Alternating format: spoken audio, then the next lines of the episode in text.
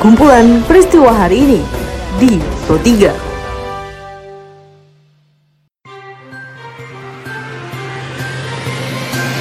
Halo pendengar, selamat berjumpa kembali di podcast Pro 3 RRI dengan kumpulan peristiwa yang terjadi pada hari ini.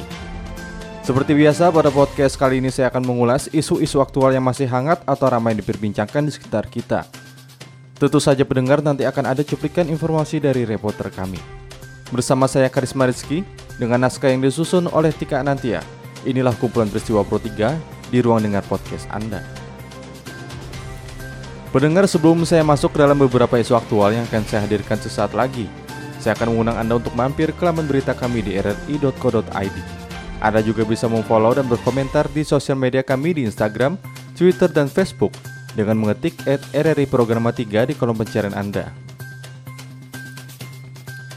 Amnesty Internasional Indonesia menilai ada potensi pelanggaran HAM dari RUU Cipta Kerja, yakni adanya beberapa pasal yang bertentangan dengan kewajiban negara untuk melindungi HAM.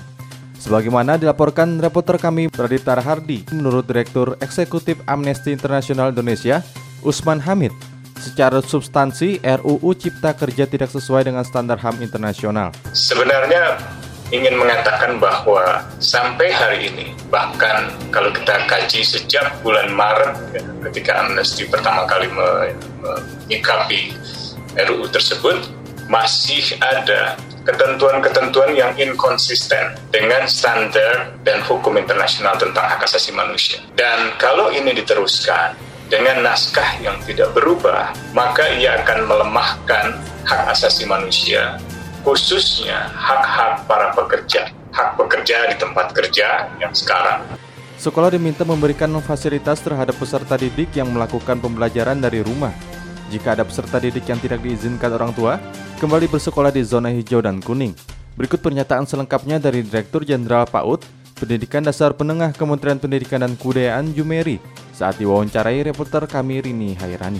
Izin membuka kembali sekolah itu artinya membolehkan tadi, tidak mewajibkan. Kepala daerah lah yang paling tahu kondisi penyebaran COVID di daerahnya. Nah, tadi zona kuning dan zona hijau kita relaksasi untuk bisa buka dengan protokol tertentu untuk memastikan bahwa tidak ada klaster baru mungkin melibatkan pengawasnya, cabang dinasnya, untuk bisa memastikan bahwa syarat-syarat pembukaan sekolah tatap muka itu dipenuhi. Nah, tadi kemudian orang tuanya mengizinkan apa tidak. Nah, untuk anak-anak yang seperti ini, yang belum diizinkan orang tuanya, masih kita layani dengan pembelajaran jarak jauh. Dari sekolah membuka dua akses. Akses tatap muka yang diizinkan dan memungkinkan, dan akses belajar dari rumah untuk anak-anak yang belum memungkinkan untuk berangkat ke sekolah. Pendengar untuk mengatasi kejenuhan anak didik karena terlalu lama belajar dari rumah, guru-guru di SD Negeri Pangerangan 3 Sumeneb menerapkan pembelajaran di luar jaringan. Dan berikut pernyataan salah seorang guru jasmani, Arifin, saat diwawancarai reporter Supriyadi selengkapnya. Awalnya kita mengadakan pembelajaran daring, sama seperti guru kelas yang lain. Kemudian berdasarkan evaluasi, ternyata banyak dari para orang tua siswa menginginkan untuk adanya pembelajaran karena untuk pembelajaran PJOK sendiri tidak bisa kita pungkiri bahwa 80% adalah aktivitas gerak. Jadi memang ketika kita memberikan teori tanpa adanya praktek gerak kurang begitu efektif. Beralih ke informasi lainnya pendengar. Sebelum mengakhiri podcast edisi hari ini, saya hadirkan informasi mengenai upaya Indonesia dalam menyatukan kalender Islam atau kalender Hijriah Sampai saat ini masih ada tiga persoalan yang belum disepakati mengenai penyatuan kalender Islam tersebut.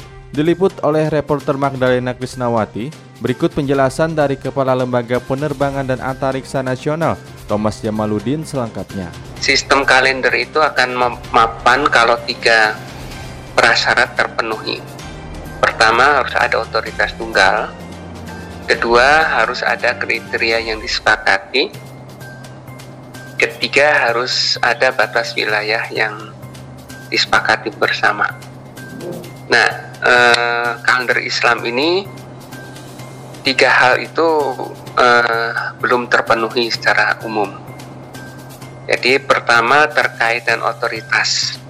Di Indonesia saja otoritas itu beragam. Pemerintah itu memegang otoritas dalam membuat keputusan terkait hari-hari libur nasional dan hari-hari besar nasional.